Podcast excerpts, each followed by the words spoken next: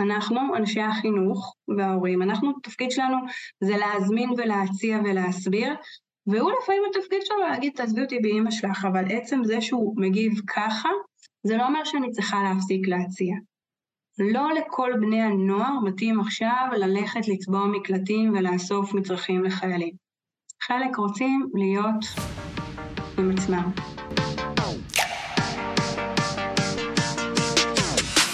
יש מצב עם דוקטור ליאור צורף. שלום. הפודקאסט הזה הוקלט ביום העשירי למלחמה. ספרתי רק היום כבר שלוש אזעקות באזור שאני גר בו. החדשות על ההרוגים, החטופים והנעדרים קשות מנשוא.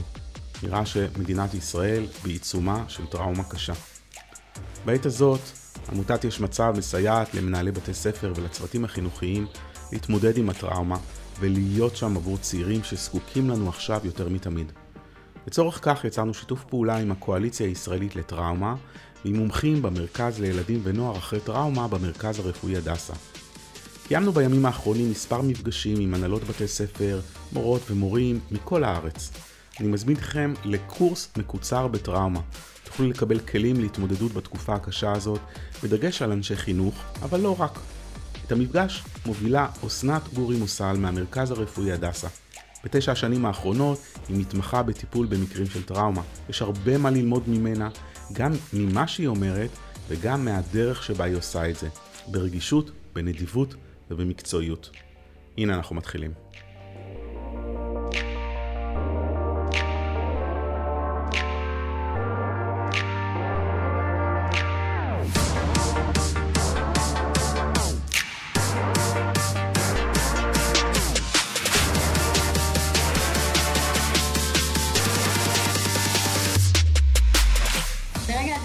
עצמי קצת בצורה יותר צנועה ממה שליאור הציג. אני פסיכולוגית קלינית, אני עובדת באמת במרכז הרפואי הדסה בירושלים, אני לא מירושלים, אז יכול להיות שגם לי יהיו אזעקות. אמ, ואת המרכז, המרכז הקים דוקטור בן הראש, שהוא פסיכיאטר, שזה מרכז שהוקם אחרי אינתיפאדה השנייה. אני חזרתי לפני שעתיים מהלוויה, ובעלי בצו שמונה הגיע לכמה שעות אחרי שהוא לא היה פה משבת, ותכף הוא יחזור. אז אנחנו שותפים לאיזושהי מציאות אה, נוראית, אז כולנו בהרבה שינויים, ודבר ראשון שהשתנה לנו זה תחושת השליטה. ואני חושבת שכמה שזה נראה עכשיו קשה אולי לחשוב שמערכת החינוך תחזור, הרי כולכם יודעים שלילדים זה הסדר, הסדר חיים הראשון, שיש מסגרת. אני רוצה רגע להגיד משהו אחד על מה זה אומר חוסן, וגם על מה אומרים המחקרים. כי בעצם אנחנו יודעים, ואנחנו עם למוד ניסיונות, זה שקודם כל לא כולם יפתחו פוסט-טראומה. נורא חשוב כרגע לזכור את זה.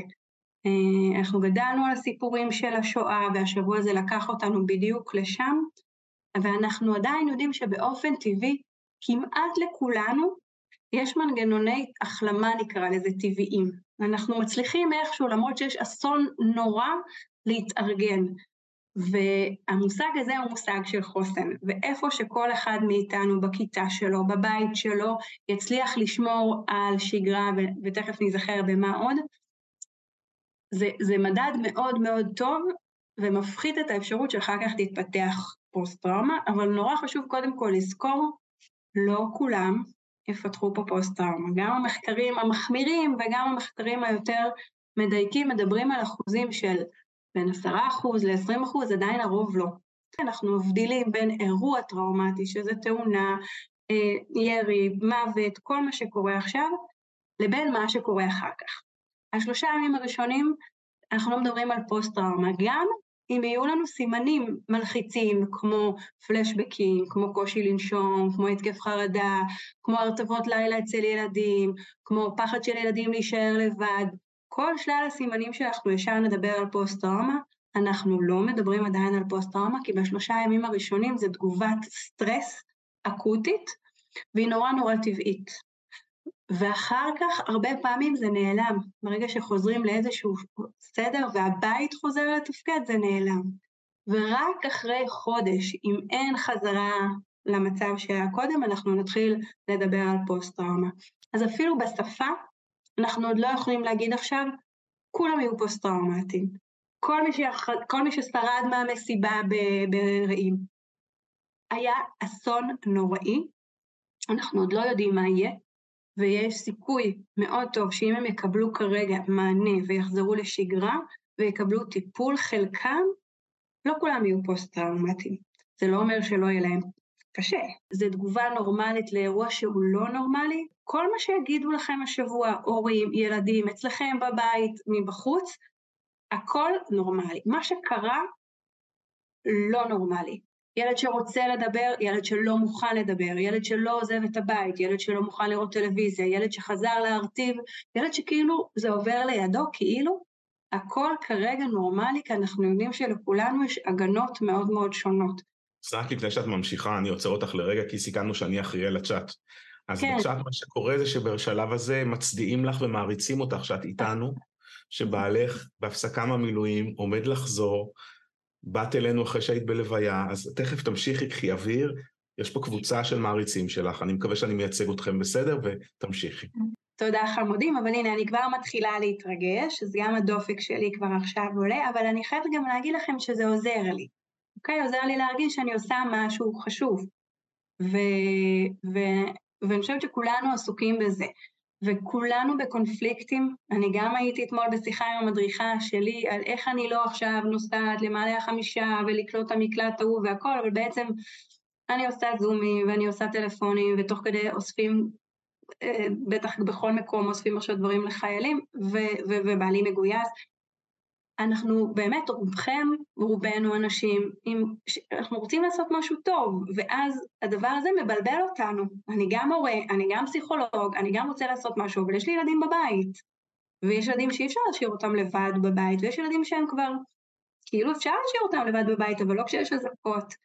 אז, אז ככה תזכורת להרגיש שזה מצב קונפליקטואלי לכולנו, כשאנחנו מדברים על ילדים ונוער, ואני מדברת על ילדים גם בגיל הרך, ודאי בחטיבה ובתיכון שאתם עובדים, זה אחרת ממבוגרים, זה לא כמו כמונו שאנחנו יכולים עכשיו לסגור את הטלפון ולהגיד לאחותי, אני בלחץ, אני מפחדת, אני לא יכולה לראות חדשות, אני לא יכולה להפסיק לראות חדשות.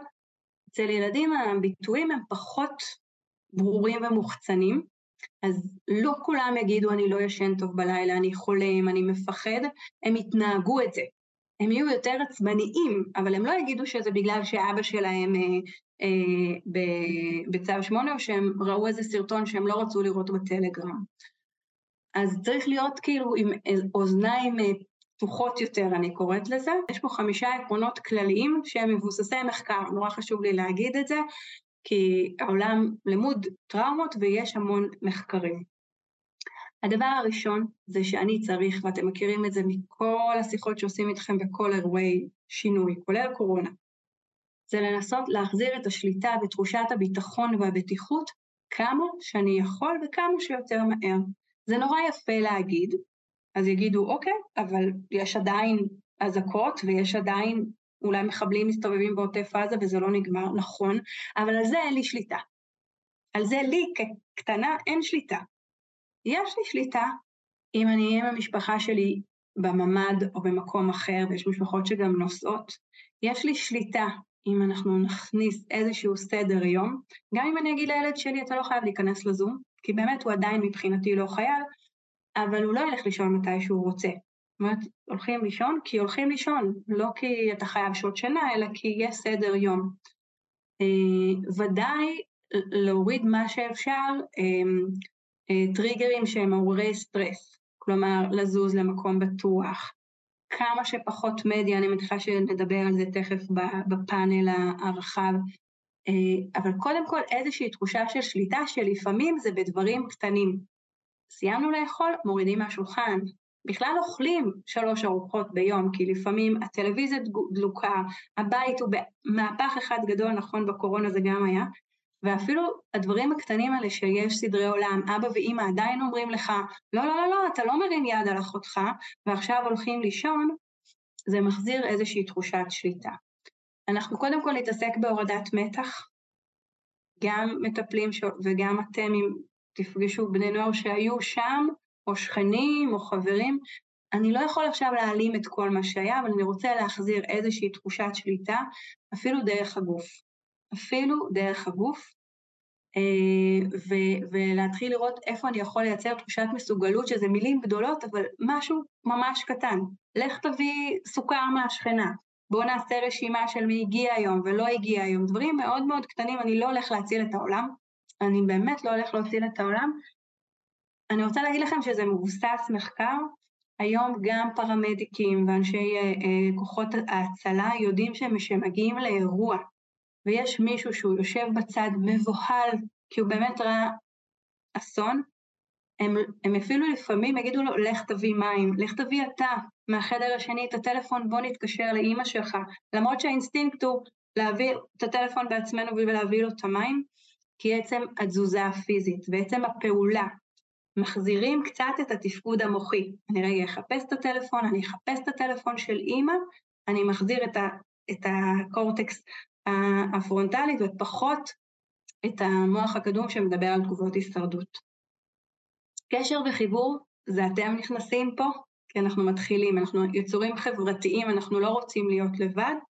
זה לא אומר שהם חייבים עכשיו ללמוד, ואני בטוחה שמערכת החינוך תתארגן אחרת על מה כן לומדים ומה לא, אבל תהיה מסגרת. למה? כי ילדים צריכים ללכת לבית ספר. תקווה, נשמע נורא נורא יפה עכשיו, באמת נשמע נורא נורא יפה עכשיו, אבל זה סופר חשוב. לזכור שאנחנו נרגיש אחרת. כולל זה שאני יכולה להגיד לילדה שאיבדה את אבא שלה, אני לא יכולה להחזיר את אבא שלך. את הדבר שהכי הייתי רוצה לעשות אי אפשר, אני רק יודעת שאת תוכלי להרגיש אחרת יחד עם זה. ושהמדינה תתנהל אחרת, ושיהיו פה שינויים, ושזה לא כל הזמן יהיה ככה, וגם סימפטומים של חרדה ושל פוסט-טראומה בהמשך, הם הפיכים, אני אומרת לילדים שעכשיו לא עולים על אוטובוס כי הם עברו תאונת דרכים, אחד המטופלים הרגילים שלי, וכן, פתאום תאונות זה נראה דבר רגיל. זה, אתה עוד לא שם, אבל אנחנו נדאג לזה שתוכל לנסוע שוב באוטובוס. זאת המטרה, אנחנו רוצים לחזור לך, ולפעמים יש שלב שאותו ילד או אותו הורה לא מסוגלים בכלל לדמיין את זה, וכאילו האחריות של התקווה היא עליי המטפל. אז התקווה פה לא במובן הנורא יפה, אנחנו לא חיים בלה לה לנד, אלא דווקא במובן ההגיוני שתהיה איזושהי מטרה ואיזשהו יעד, ולזכור שאני כרגע בתוך איזשהו גל, אבל הוא ישתנה. אנחנו תכף נחשוב אולי ביחד איפה אתם יכולים ליישם את זה בכיתה. אז זה ככה היה לי חשוב רגע להגיד, אבל אני רוצה באמת ליאור ויעל וכולכם לשמוע במה אני יכולה להועיל, איפה אתם רוצים לחשוב ביחד, כי אני באמת חושבת שעוד ידע תיאורטי, אני לא בטוחה שזה מה שאתם צריכים כרגע. זה מאוד קשה לחזור וללמד ולהרים את עצמי, כי גם יש לי ארבעה בבית. לי קשה קצת עם ה... כאילו העצבים קצת, שאני קצת, זאת אומרת, הבן שלי אמר לי, אמא, למה את כל הזמן כועסת? אמרתי לו, אל תשפוט אותי עכשיו. המצב כן, כן משפיע בתת מודע, ואני לא רוצה לשדר להם לחץ. את מבינה? אז קודם כל, אני, אני לא, ראית, לא ראיתי את הצ'אט עד עכשיו, אבל עכשיו אני רואה שמישהי כתבה לך, אמ, מי שכתבה רוצה להגיד?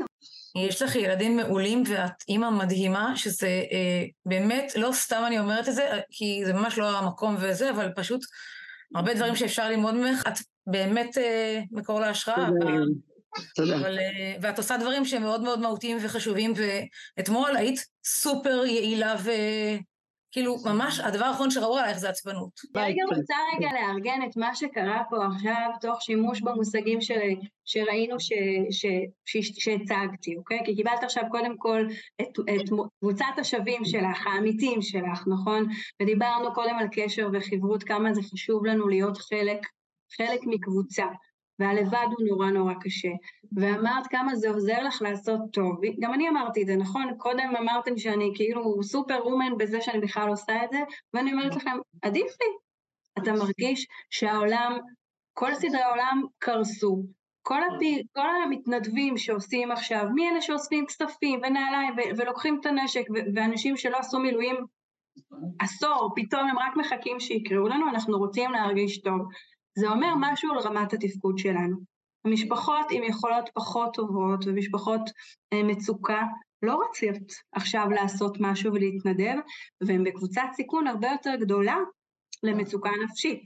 אני אומרת שהתפקוד, אם אני תוך כדי אירוע מצליח לשמור על איזשהו תפקוד ומסוגלות, זה שומר על הכוחות שלי ומחזיר לי אה, תחושת שליטה, וגם זה איזשהו סמן לרמת המצוקה שלי. אני לא חושבת שאת מוציאה עליהם את הכל, אני חושבת שאם הילד שלך אומר לך, למה את כל כך עצבנית, זה קודם כל, סטופ, רגע, כי הוא צודק. זה מין כזה, איזה wake up call, נכון, נכון, ענית לא בסדר מה, מה, מהבטן שלך, אבל אפשר לחזור לזה, את יודעת, את יכולה גם היום להגיד לו, חשבתי על זה, אני באמת הרבה יותר דרוכה, אני, הסדר יום שלי השתנה, חדשות, אני דואגת, זה לא פייר כלפיך, כי כשאת אומרת לו, אל תשפוט אותי, את גם בסוף נותנת לו קצת נזיפה בלי שהתכוונת. אבל כשאת אומרת לו משהו עלייך, באמת אני הרבה פחות רגועה, אז את גם מלמדת אותו משהו על עצמו. ודווקא העמדה הקורבנית, זה נשמע אולי מתנשא. אז, אבל... אז תלמידים שאומרים, עזבי אותי ברבק, אין לי שום עכשיו מצב רוח לעזור לך עם השטויות שלך וההתנדבויות שלך. אתה עזבי אותי, הוא מוכר וידוע קודם כל בגיל ההתבגרות בכלל, כן? צריך לזכור את זה, זה לא שהם מיד מצטרפים לכל uh, הצעה שלנו בשוטף, זה חלק מהמאפיין את הגיל, זה להגיד, תעזבי אותי, לא רוצה. ואני כן רוצה גם כבר להגיד שעצם זה שהוא ענה ככה, זה לא אומר שאת לא צריכה להציע. אנחנו, אנשי החינוך וההורים, אנחנו, התפקיד שלנו זה להזמין ולהציע ולהסביר, והוא לפעמים התפקיד שלו להגיד, תעזבי אותי באימא שלך, אבל עצם זה שהוא מגיב ככה, זה לא אומר שאני צריכה להפסיק להציע. לא לכל בני הנוער מתאים עכשיו ללכת לצבוע מקלטים ולאסוף מצרכים לחיילים. חלק רוצים להיות עם עצמם. הם לא כולם רצים להיות פעילים. מה מטריד אותי? מטריד אותי מי שרק תקוע בחדר, ומטריד אותי מי שרק חשוף למדיה. ומטריד אותי מי שאומר, אימא שלי לא מרשה להצטרף לפעילות הזאת, אז אתה יודע שלא בהכרח זה מה שהם אומרים, אלא שהם יותר מפחדים מעצמם. אוקיי, okay, לאיזה פעילות זאת הייתה, כאילו לאסוף חבילות וכאלה? לעשות משהו קצת משמח לתושבים באיזשהו מלון, שמגיעים, אנשים שהגיעו משדרות. אז קודם כל, אתם אנשי חינוך סופר, את כבר קוראת את הטקסט, את יודעת שיש את מה שאומרים ויש את הסאב-טקסט, את מה שמתחת, נכון? זה באמת, אני, אני, אני, אני מאוד אה, דווקא מתרשמת מזה. אני חושבת שהם לא חייבים לבוא, אני חושבת שזה חשוב להציע, כי יש נוער שזה עוזר לו. אני גרה ביישוב קטן, יש פה נוער שעושה דברים נפלאים, וזה עוזר להם לעשות משהו, וזה עוזר להם לצאת החוצה, כי יש כאלה שאוהבים לצאת החוצה ולראות את הקסאמים וכאלה, אבל זה לא מתאים לכל אחד. אפשר להבין, באמת שאפשר להבין, ואם את כמחנכת מבינה שהוא מפחד, אז אני הייתי בודקת איך אני יכולה לייצר איתו קשר למרות זה שהוא לא בא פיזית, איך אפשר לבדוק אם יש משהו אחר שאפשר להפעיל אותו, וגם לזכור שלשבת בפינת יצירה, במלון, עם אנשים שראו דברים קשים, באמת לא מתאים לכל אחד. לא כולם אוהבים את זה. זה מפחיד, זה משעמם, זה מביך, הרבה אנשים שהיו שם אתמול זה אנשים שלא יצאו מהבית עד אתמול. Mm-hmm. והם אמרו לי אחר כך כמה טוב זה עשה לנו. אז כאילו, אם אני יודעת שזה יכול לעשות טוב לי, לילדים מסוימים, אני כן רוצה שהם יבואו. אז יכול להיות שעם אותם תלמידים הייתי אומרת להם, תראה, המצב באמת אחר, ייקח עוד זמן עד שנחזור לשגרה. בוא נבחר משהו קטן שאתה כן יכול לעשות. משהו שלא יוציא אותך מהבית, שהוא לא ישעמם לך, אבל משהו קטן, שהוא כן מחזיר איזושהי שליטה, גם יכול להיות שאותו ילד, נער, יכול לעזור בבית. הבת הפרטית שלי, כל הזמן אמרה, אמא, אני אלך להתנדבויות האלה או לא, אבל זה לצאת מהבית, וזה מעמד אחר, ואני מפחדת.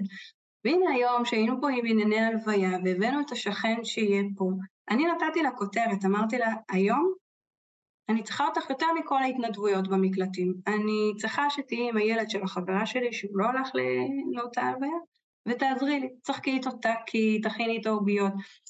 ופתאום זה נתן לה תפקיד קטן, קטן. הייתי מסתדרת גם בלעדיה. אבל זה נתן איזושהי תחושה של עשייה. וגם אני לא יודעת איפה כל אחד מכם גדל, ואיפה הייתם במלחמת המפרץ, מי שהיה מפעמת במפרץ, או בכל מיני שלבים בחיים. אני לא בטוחה שכולנו היינו נורא נורא פעילים. אני לא יודעת מה הזיכרונות שלכם, לא נפתח עכשיו את סל הילדות של כולם, אוקיי? אני גדלתי והייתי במלחמת המפרץ בצפון. הצפון במלחמת המפרץ היה די קייטנה. אז היה נורא כיף, לא היה בית ספר. לא בטוחה שבתור נערה בת 14 אז, כל הזמן רציתי לעשות דברים. וגם לא פחדתי, וגם הייתה פחות מדיה, אוקיי? אז צריך גם לזכור את זה, אבל יכול להיות ששווה לחשוב מה הוא כן יכול לעשות. אמ, אצלי יש אה, תופעה של תלמידה שהיא והאימא מנותקות מכלל העולם, כאילו הן גרות לבד. אני מנסה להתקשר, מנסה זה, הן פשוט לא, לא מגיבות, לא זה. האמא פעם אחת ענתה לי הכל בסדר, תודה רבה, מאז שאני שולחת לה עוד הודעות, היא לא עונה לי, טלפונים לא עונה לי, ילדה בכלל אין מה לדבר. כאילו פשוט התנתקו מהעולם, ורק האבא מבקש, בבקשה, תהיי איתם בקשר, הם לא נותנות לי לעזור להם, לא זה. איך, מה, מה אפשר לעשות במצב הזה? אני רוצה דווקא רגע לפתוח את זה, כי אתם גם עובדים עם נוער. אני לא מתחמקת, אבל אני רוצה רגע לעשות איזושהי חשיבה משותפת. אני רק רוצה שלפחות תכתבי לי שהכל בסדר, אני רק להיות רגועה. רק עם חברות שלה מהכיתה, אני לפעמים עושה את זה וזה עובד טוב. מאוד יכול להיות שזאת באמת משפחה שכרגע בתוך איזה בועה, ורואים את המספר של המחנכת, ויאללה, למי יש כוח לענות, ושעוד פעם ישאלו אותי, אז איך אני מרגישה, נכון, אני פסיכולוגית, מותר לי לצחוק על זה, אוקיי? אנחנו, לא כולם אוהבים לדבר ברגשות. אני לא יודעת אם האופציה של להגיע פיזית קיימת עכשיו, או להפעיל, אם זו משפחה שהיא מוכרת לרווחה וכאלה, או ש... כן, כן. אוקיי. ואז אז גם אפשר להפעיל פה עוד מערך תמיכה, לבדוק אם ברווחה יש משהו שהם יודעים, אם מישהו יכול לעשות ביקור בית, לא תמיד האופציות האלה זמינות עכשיו, כן? אבל כן הייתי ככה מרחיבה את, ה, את המבט, אם זה משהו שאפשר להגיע ולדפוק בדלת, כי יכול להיות שיש פה אה, נורת אזהרה, יכול להיות שיש פה נערה בסיכון. איך לזהות את התלמידות או תלמידים שדרוש עכשיו התערבות אישית פרטנית? מישהו שלא יוצא בכלל מהבית, משהו שהוא מרגיש ככה מסוגר ודיכאוני, או מישהו שלהפך, שככה יוצא המון ומסתכן, והתנהגויות מסכנות של להיות בחוץ גם תחת אזעקות וסיגריות וחומרים והכול, הם תמיד מצבי הקצה, אלה שהם מת, מתכנסים מדי או מוחצנים מדי, אה, ועדיין לחכות, זאת אומרת לזכור מה שאמרנו בהתחלה, אנחנו בתוך האירוע, עברו רק ארבעה ימים. אנחנו לא מיד חייבים אנשי מקצוע, אוקיי? קודם כל להחזיר לאיזושהי שגרה ותפקוד, ואז נראה אם מישהו שלמרות השגרה והתפקוד עדיין יש את שתי הקצוות, אז להפעיל את אנשי המקצוע. עוד לא עכשיו, אנחנו עדיין בתוך האירוע. אה, יש לי תלמיד אה, שעוד לפני כן הוא מאוד מאוד אה, מורכב, והוא אפילו בסוג של אילמות כזאת, הוא לא מדבר עם אף מבוגר, הוא לא בוטח באף אחד, הוא רק עם הפלאפון. הצלחתי ליצור איתו קשר בוואטסאפ, התקשרתי אליו מלא פעמים והוא לא ענה לי. האם זה בסדר? וקבעתי איתו אתמול אה, שיחה לדבר, הוא לא רצה בשום פנים ואופן. האם זה בסדר וזה מספיק שנהיה איתו בקשר בוואטסאפ? חד משמעי שכן. אם יש לך קשר עם ההורים, רק לדעת שאת שם, ואם הם רוצים להגיד לך משהו, אחלה. אם אין לך קשר עם ההורים, כי זו משפחה מורכבת. אבל הוא לא נכנס לזומים. גם עכשיו הוא לא נכנס. אבל את יוצרת קשר, את בעצם מעבירה לו מסר, אני לא מוותרת עליך, והוא עונה לך בוואטסאפ, זה שפה נהדרת כרגע. לגבי הילדים האדישים יותר, הילדים בזום שנראים כאילו, כששואלים אותם מה שלומם, אז הכל ממש בסדר. שהייתי נזהרת במסקנה שזה אדישות, אוקיי? זה תגובה, אבל לא בטוח שזה מתוך אדישות. והרבה פעמים מנגנוני ההגנה שלנו, וודאי אצל ילדים, הם אחרת. אם מישהו ממש ממש התבאס, שהיום אמור היה להיות איזה משחק חשוב בבלומפילד, לא יודעת מי, אבל היה אמור להיות היום משהו חשוב. ואחד הדברים שהוא מתבאס מהם השבוע זה זה. אז מה, אז הוא אדיש? אז הוא לא מבין? אז הוא כאילו, אנשים מתים ואין להם זה ואתה מתעסק בכדורגל? לא, זה הדרך שלי להתעצבן שסדרי העולם שלי השתנו. אני לא בטוחה שזה אדישות.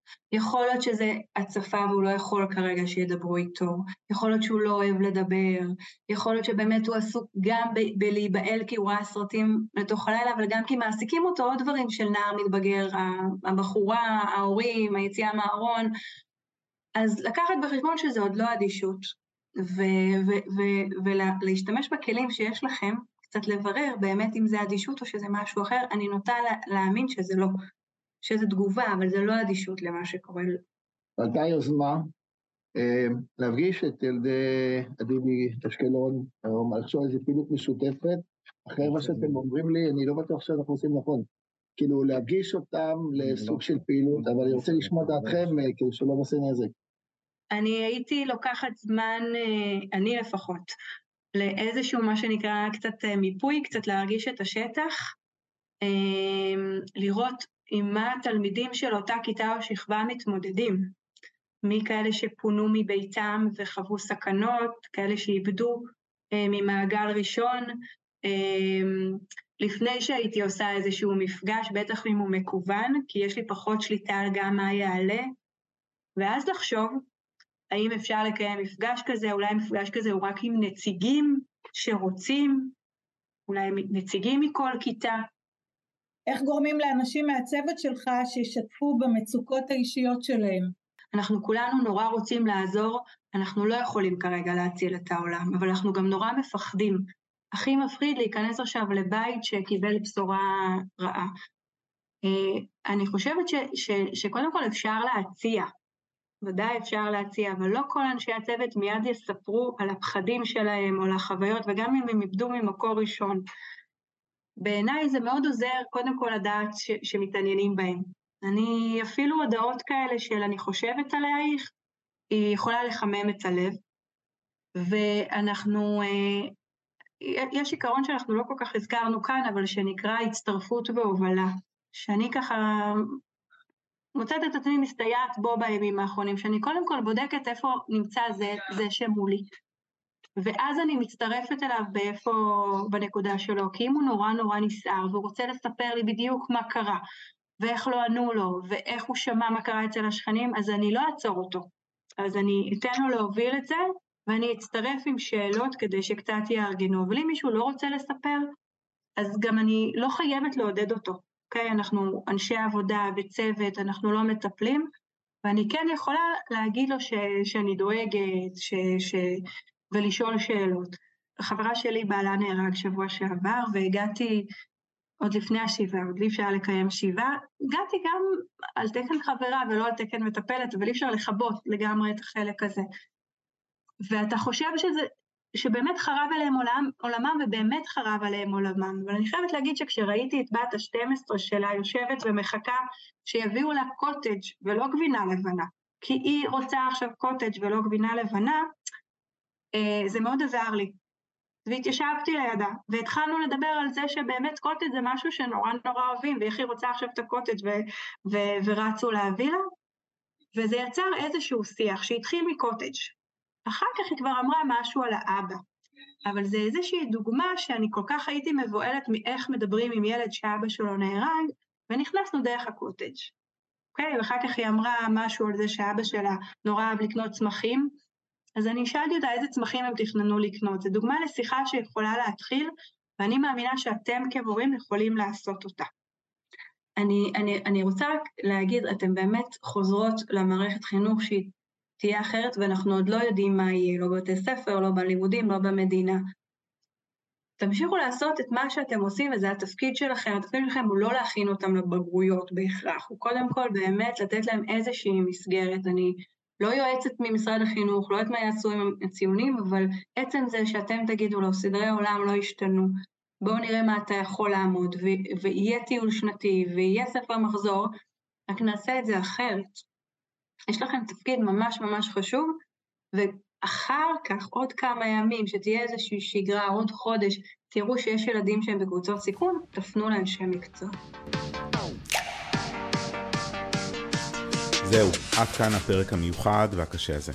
אם אתם מכירים מנהלי בתי ספר, או מורות ומורים שיכולים לקבל ערך מהפרק הזה, תעשו עבורם מעשה טוב ותשלחו להם קישור. אני רוצה להודות לקואליציה הישראלית לטראומה וליחידה לטיפול בילדים ונוער אחרי טראומה במרכז הרפואי הדסה בירושלים, בראשות דוקטור פורטו בן הראש. תודה לאסנת הנפלאה מהמרכז הרפואי הדסה, תודה לאיריס הראל ולכל השותפים שלנו ברשת אורט ובתיכון ריגלר שלקחו חלק במפגש הזה. יחד נתמודד ויחד ננצח. ואחרי שננצח, נמשיך לפעול על מנת לסייע בשיקום וגם כדי להציע תקווה. כי גם אם נכפה עלינו אסון, אנחנו כאן כדי להזכיר שתמיד יש תקווה תמיד יש מצב. יש מצב עם דוקטור ליאור צורף.